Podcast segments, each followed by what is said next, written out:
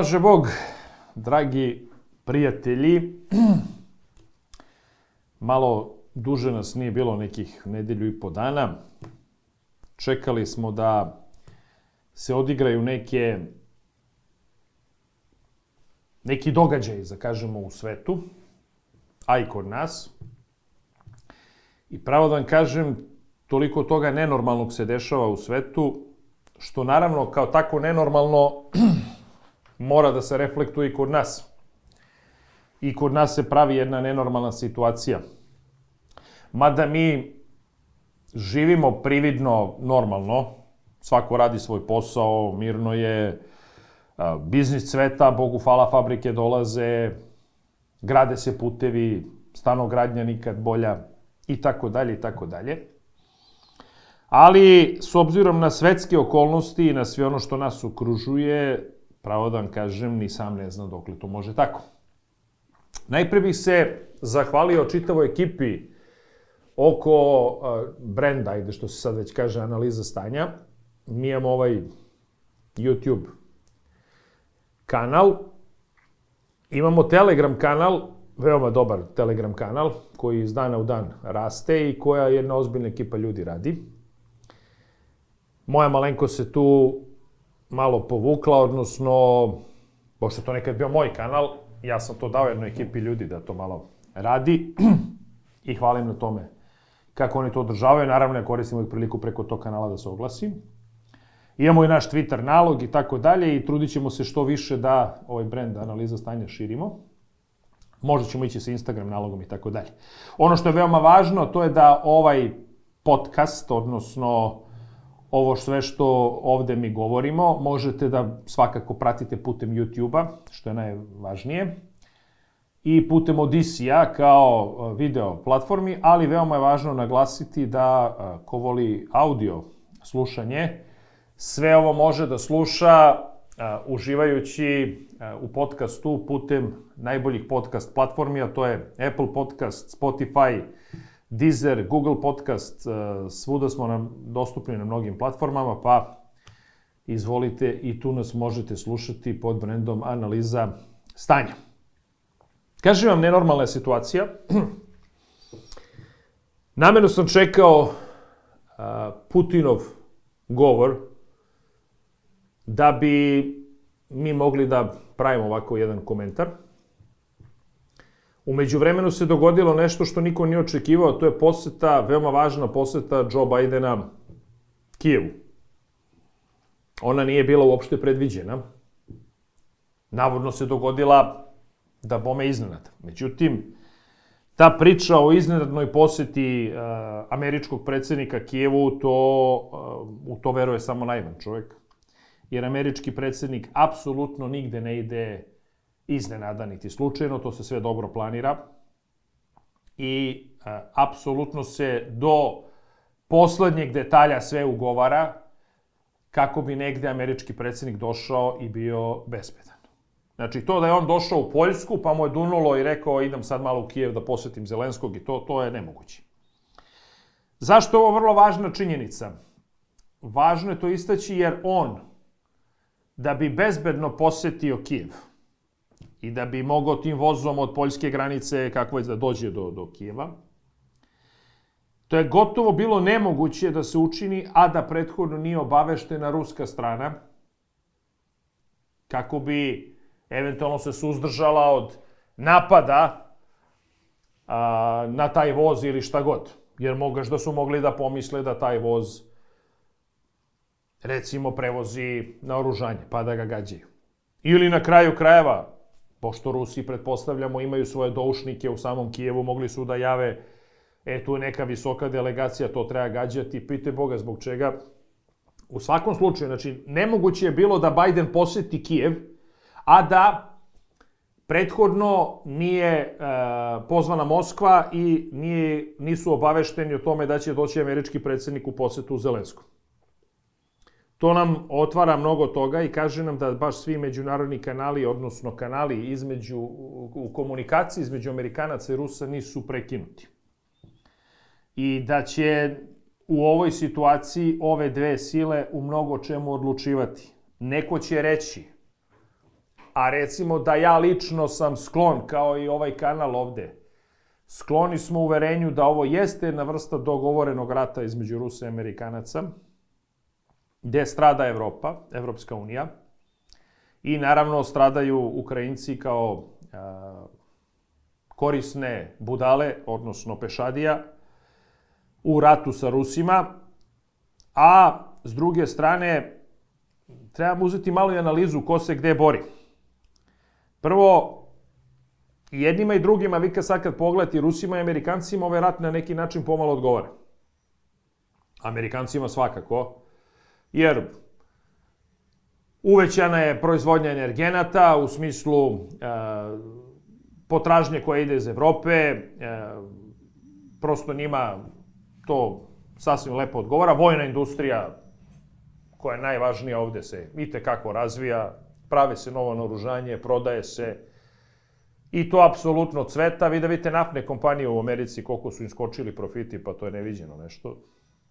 To, to se ne pamti kad je tako skočilo. Tako da, suštinski Americi, odnosno lobijima u, Ameri u Americi, a to je pre svega ovaj vojni lobi, e, naftaški i tako dalje, ovaj rat veoma, veoma odgovara. Njima Trump nije odgovarao, jer Trump nije dozvoljavao ovakvu vrstu bahatosti, Posebno ne rasta cena energenata, kod Trumpa je to bilo 40 dolara po barelu, on je to jako lepo držao i zato nije odgovarao, nije odgovarao tim raznim naftašima. Drugo, nije imao ni jedan rat, to ne odgovara vojnom lobiju i naravno da on nije mogao da više ostane na mestu predsednika Sjedinjih američkih država, sve je moralo da se učini da on slučajno ne pobedi ponovo. Kako je došao ovaj pogubljeni lik, e, govorimo o Bajdenu, tako nastaje haos i cirkus, tako vojni lobi preuzima dizgine i pokreću se sukobi. S druge strane, ni Rusima, pravo da vam kažem, nije loša ova situacija. Naime, ruska privreda se značajno podigla. Ono sve što su nekada uvozili više ne uvoze, sada imaju sobstvenu domaću proizvodnju koju su strahovito podigli, posebno poljoprivredu. Slušali ste u Putinovom govoru i to su tačni podaci, rublja nikad nije jača bila. Drugo, kad vidite ko ratuje na ruskoj strani, to je vrlo zanimljivo pogledati. Rusi nisu upotrebili ogroman deo svoje armije. Zapravo potrebili su neki, aj kažemo, 12. deo, neko kaže. Uglavnom, u pešadijskom smislu ratuje Wagner kao privatna vojska i vidimo da su te privatne vojske sve više i više u trendu. Znači, Amerikanci imaju Blackwaters, Rusi imaju Wagner i to je privatna armija koja je sastavljena uglavnom od robijaša i od raznih stranaca koji su tu došli da se prijave i za platu da ratuju. Drugo ratuje ova čečenska formacija koja po, uh, pod ovim koja pod komandom ovoga Ahmata, odnosno Ahmat Sile, kako ga kažu. I ti Čečeni ovaj, ginu na frontu. Ono regularno ruske vojske, tu se upotrebljava avijacija, tu se upotrebljava nešto oklopnih, ne nešto, upotrebljavaju se određene oklopno mehanizovane jedinice, ali pešadijski izuzimajući nešto padobranaca, odnosno spec nacionalnog njihovog, ne, ne, vidimo, ne, ne vidimo da tu neka ozbiljna, ozbiljna vojska, da kažete sad samih Rusa.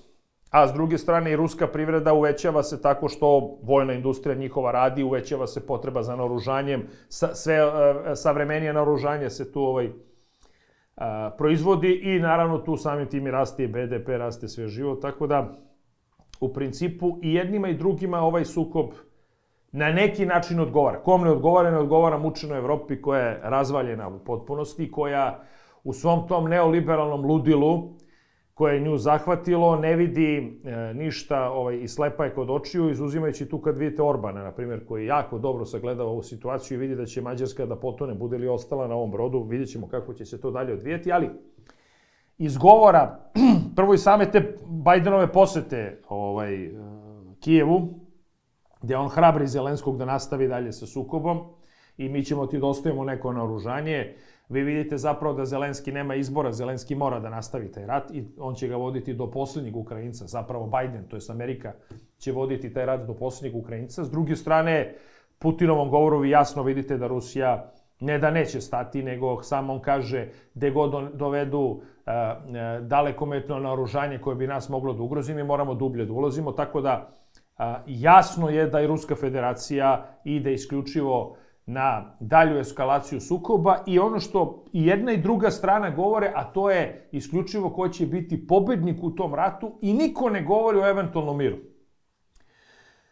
Tako da, eskalacija sukoba je evidentna i e, ono što je posljednji e, potez koje Putin povukao, a to je da povuče priznanje koje Rusija dala prema Moldavi kao suverenoj državi, jer znate da tamo postoji spor oko Pridnjestrovlja, tako da verujem da će to biti naredna zemlja u kojoj će se izazvati određeni haos i gde bi moglo doći do ozbiljnog građanskog sukoba, a možda čak i vojne intervencije neke druge sile. Sam Putin je to vrlo lepo naglasio, precizno, nije lepo, precizno naglasio, rekavši da e, u skladu sa novim okolnostima i u ruskim interesima mi ovo sad povlačimo. Znači sad se isključivo gledaju interesi one imperialne sile koja je odlučila negde da stavi svoju šapu. I to je sad tako. Znači, ovo evo od ove knjige, već smo pokazivali međunarodno javno pravo i slično, to okačite mačku rep, to ne postoji. Znači, to je, to je duvanje u, u praznu tikvu, to ne postoji.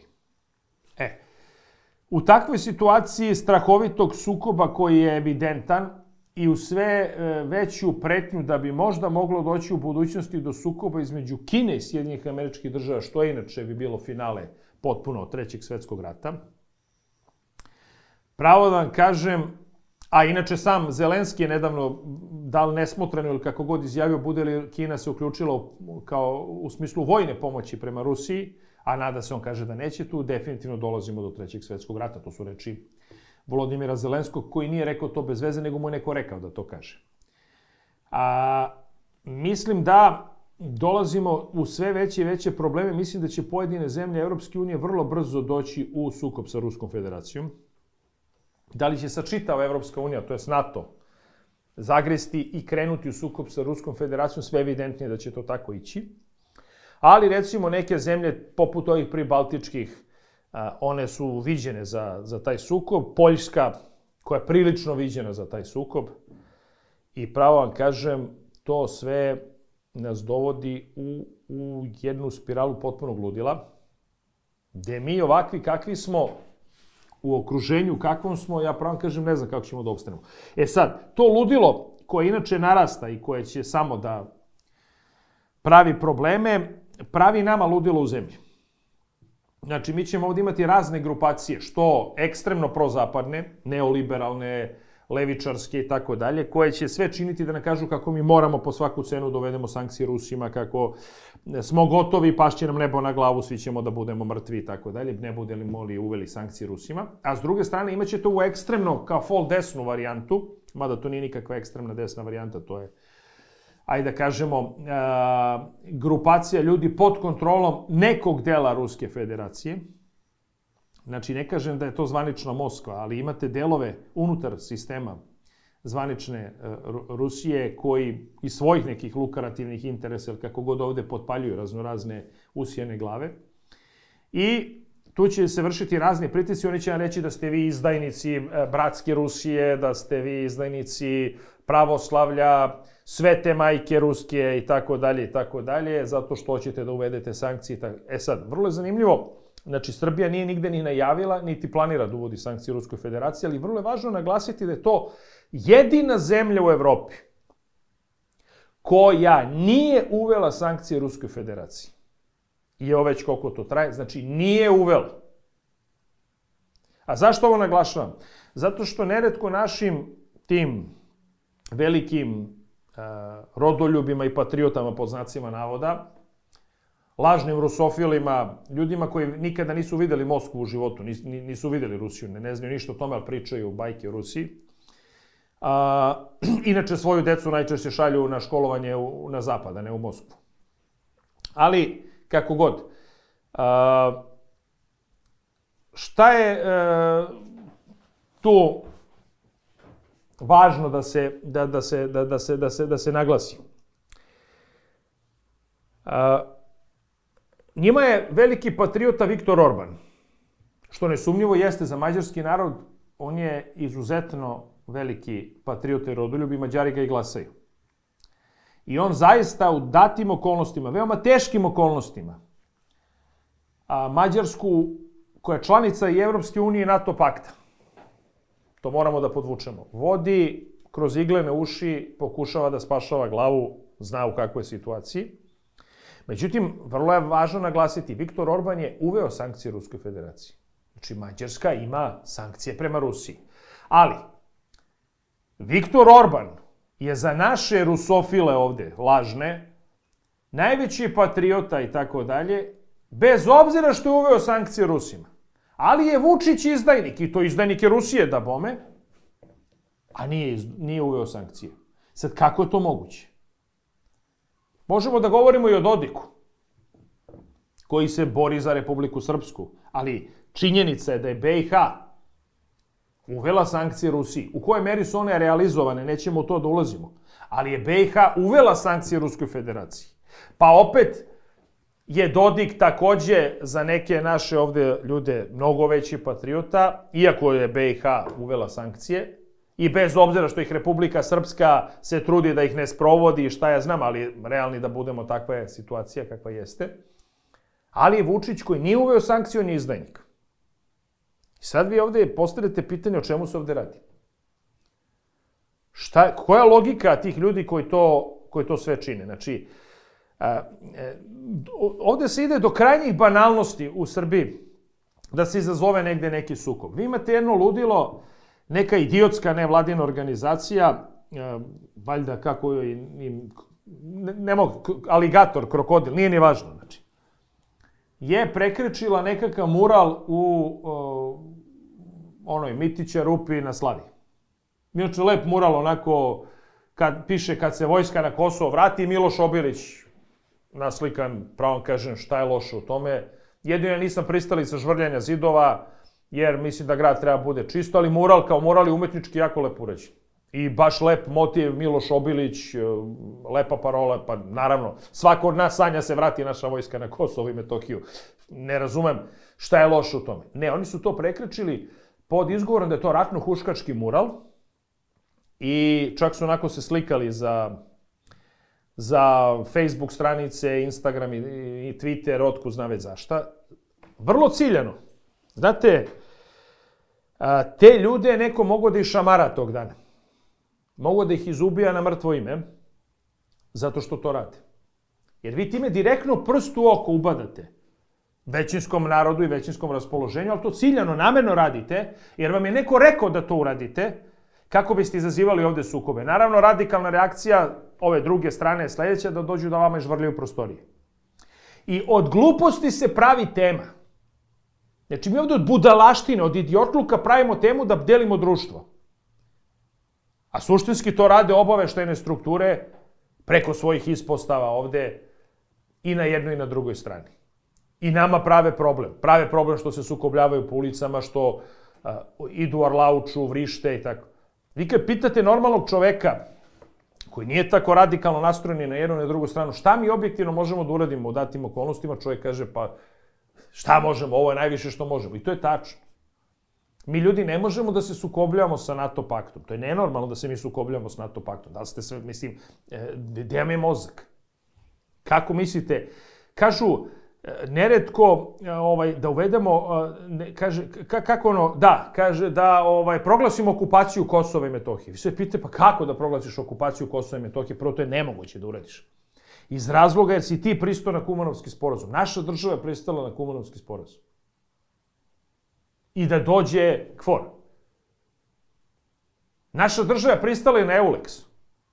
Naša država je pristala na sve te tamo trupe, jedinice, kako god. Jesmo prvo i pristali na Ujedinje nacije, ali smo posle pristali na KFOR. Pa ne možete na ono što ste pristali da to proglašavate okupaciju, jer ste vi pristali da to tamo dođe. Ali ajde čak i da uzmemo, evo, da proglasimo okupaciju. Ko nam je onda okupator? KFOR. KFOR je NATO. Evo, složimo se da je NATO okupator. Svako od nas će to u, u, u srcu i duši tako nositi. Ako proglasite te zemlje okupatorskim, Vi s njima ulazite u sukob, na okupatora se puca. Sa okupatorom se ratuje za oslobođenje. Znači, morate da ratujete i da isterate okupatora. E vi zaista mislite da će u toj situaciji da neko zaštiti naš narod na Kosovu i Metohiji? Zašto ovo govorim? Naravno da ja ne očekujem nikakvu zaštitu koju da nam kvor pruži. To je besmisleno. Oni će pružiti tek onom momentu kad dođe baš do stani pani, pa možda će pružiti tu neku zaštitu. Ali mi drugu a, snagu dole nemamo koja bi mogla da garantuje Srbima bezbednost. Ne postoji.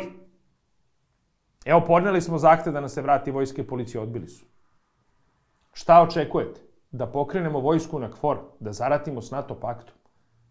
Da li ste svesni šta bi značilo za Srbiju da u, ovim, u ovom momentu sada kada je e, svet na ivici najvećeg mogućeg sukoba, da jedan vojnik KFOR-a strada od naše puške? Da li ste vi svesni šta to znači za Srbiju? To je katastrofa. Drugo, a, mi moramo shvatimo našu geopolitičku poziciju u kojoj se mi nalazimo. Mi smo okruženi zemljama NATO pakta. Znači, nemojte da imate nikakvu iluziju da u slučaju velikog svetskog sukoba, koji je sve bliži, da nama neće oni reći i doći sa ucenom, ili si sa nama, ili si protiv nas. Znači, bukvalno će to biti tako. Neće oni dozvoliti da neki kamičak ovde štrči i da, da, ovaj, da, da njih to žulja, nego će reći ili si sa nama ili si protiv nas. Ako si protiv nas ima da te zgazimo. A da li mi realno možemo da se nosimo sa NATO paktom? Pa ne možemo ljudi, probali smo jedno. S druge strane, nikakav nam nije interes da ulazimo u bilo kakav konflikt, konfrontaciju, šta god sa Rusima. Zašto bismo to činili? Ali je generalno sveukupno pokvareno i s jedne i s druge strane što nas žele da ovuku njihov sukob. I upravo to rade preko ovih raznih grupacija ovde po Srbiji. Da li su one navodno patriotske i, kako, i tako dalje, ili su one o krajnje levo-liberalno nastrojene, to je potpuno nebitno. U krajnjoj varijanti, ono što je ključ svega, i jedna i druga strana ne želi da ima na vlasti u Srbiji čoveka ili vlast koja glumi, odnosno traži da bude nezavisna. Njima treba poslušnik. I jednima i drugima ovo ne odgovara sad. Jer im je potreban onaj koji će a, do krajnjih granica da se svrsta na jednu stranu. Rusi žele da zadrže svoje prisustvo ovde, preko nas da svakako imaju neki odgovor prema NATO paktu, ovi žele potpuno da Ruse odavde eliminišu. Vrlo im je važno da izdejstvuju da priznamo nezavisnost Kosova, da bi samom Putinu izbili taj argument, a vezan je za Ukrajinu, i ti pritisci će sve više biti nepodnošljivi. Kako ćemo se mi iz ovoga iščupati, ne znam. Ja sam već u više navrata govorio o tome da ja nisam optimista da mi možemo da se iščupamo. Ni malo nisam optimista. Ko što nisam optimista da će ova vlast uspeti da opstane u sve te pritiske. Poenta je imati što nestabilniju vlast. Poenta je napraviti od Srbije Crnu Goru. I da onda možeš da ucenjuješ vlast kako ti padne na pamet i mislim da će se na tome intenzivno raditi u narednom periodu i radit će i jedna i druga strana podjednako. S tim što ova zapadna, da budemo krajnje precizni iskreni, ima malo veću logistiku. Ne malo, malo više veću logistiku. Ona ima jedan drugi problem, ona je neomiljena u narodu. Znači, naš narod sa gađenjem gleda na te nevladine organizacije, ljude koje ni podaštavaju našu istoriju, kulturu, kulturni identitet i tako dalje. Znači, to je katastrofa koliko su oni neomiljeni i oni se ovde smatraju apsolutno neprijateljima ove zemlje. Znači, građani njih smatraju kao neprijatelja. Ali imaju strašnu logistiku, medijsku, kako god hoćete, uticajni su u svim porama vlasti. Dok ova druga strana, Ruska, ima ogromnu podršku naroda.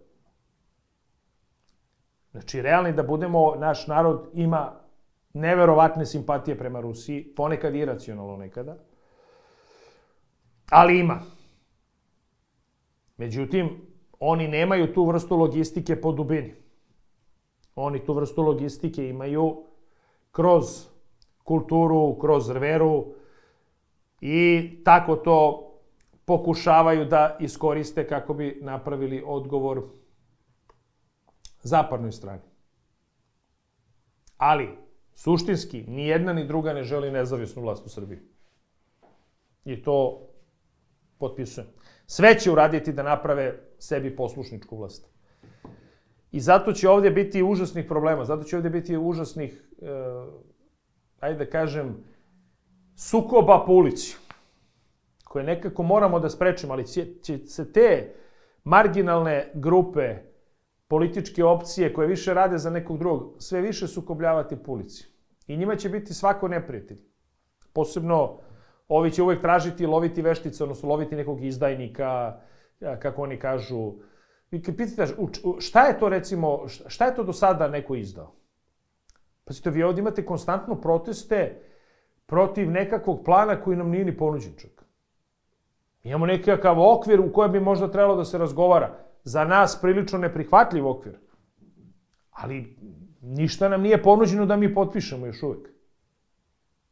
I pitanje da li će biti, ali vi ovde već imate protest protiv toga. I u startu pravite problem državi. A zašto to radite? Pa da biste skupili neki jeftin politički pojem. Jako glupo. Znači imate imaginarne proteste protiv, kaže, nekapitulacija. Ko je uopšte razmišljao potpiše kapitulaciju? Ne razumijem. Ko je uopšte razmišljao o tome da nešto preda? Ne izdaj Kosova. Pa do sada 25 zemalja povuklo priznanje nezavisnosti Kosova. Pa ne znam šta je tu neko isto ako se bori dalje da neko povlači priznanje nezavisnosti Kosova.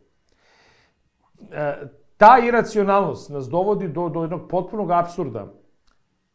Da oni koji su do juče, dok su bili vlast, jedino uspeli da nam e, dovedu do toga da dođe do nezavisnosti Kosova, oni vam sada pričaju kako treba da se Kosovo sačuva. Složit ćemo se absurd nad absurdima. Ali dobro, sve to Srbija, to sve naši građani. I samo moramo o tome da razgovaramo. Moramo o tome da pričamo. I da vidimo šta je krajnji cilj. Je li krajnji cilj da se skloni Aleksandar Vučić, Srpska napredna stranka, u redu? Je se smeta puno, u redu? Izvolite vi, gospodo, samo kažete šta ćete da radite u datim okolnostima. Predočite građanima u napred, vi sa ove desne strane, hoćete zaratite s NATO paktom? Hoćete da ratujete sa Rusijom u Ukrajini? Hoćete li da krenete sa vojskom da vratite Kosovo? Kažite to građanima. Pa da imamo kog ćete glasova dobiti. Vi koji bi dovodite sankcije Rusima, pa kažete kako ćete da obezbedite energente. Kažite kako će to naša privreda da funkcioniše, će biti potpuno zavisna onda od zapadnog faktora, hoćete sve da rasprodate ko što jeste. Kako će ovde ljudi da imaju platu, penziju? Kako će uopšte bilo šta da radi? Kažite to građanima. Pa kad to sve predočite u nekoj predizbornoj kampanji, najmanji problem da se sadašnja vlast skloni, mislim da mislim da velikom delu sadašnji, odgovornih ljudi u sadašnjoj vlasti bi pao teret sa leđa. Jer će pritisci koji nadolaze, a kažem vam, bit će uskoro situacija ili si s nama ili si protiv nas. Pritisci koji nama budu nadolazili, bit će nepodnošljivi. Nepodnošljivi. E sada vidimo šta i kako i kako da se spašamo. Vidimo da ne, mnogima smeta to što se mi naoružavamo.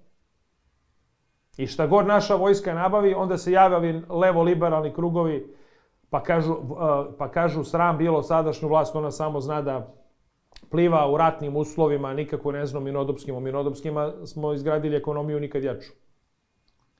A zašto nekom smeta naoružanje naše vojske? Pa čitava Evropa, čitavo naše okruženje se naoružava.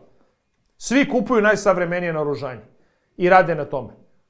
I podižu vojsku. Nekom smeta što ćemo da jačamo specijalne jedinice. Pa vidite da su one bile presudne ovim bitkama sada u Ukrajini. Tamo Wagner neki osvaja gradove. Specijalna jedinica, nije važno, privatna vojska, ali specijalna jedinica. Pa ima li išta bitnije nego da se naružavamo i da, i da pospešujemo razvoj naših specijalnih jedinica. Ima li šta važnije nego da se naružamo ovim dronovima? Pogledajte kakvu prevagu donose na frontu sam, ovi dronovi samoubice posebno. Ne možete odbraniti od njih.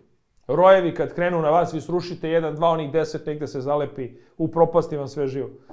Uništi vam tank, uništi vam elektranu, uništi vam ovaj, pešadiju. Kućete bolje od toga. Pa valjda je normalno da, da se ovaj, naružavamo tim da bismo se branili, da bi svakog potencijalnog agresora odvratili od nas. Mi hoćemo da budemo vojno neutralni, što je jako lepo, ali znate, vojna neutralnost znači da budete e, vojno snažni, jer će da vas onaj ko kaže pa ne možete baš da budete vojno neutralni pregaziti. U okruženju kakvom se mi nalazimo i da tražimo da budemo vojno neutralni. To je i skupo, Bogu hvala, i zahteva mnogo odricanja i zahteva vrlo snažno naoružanje.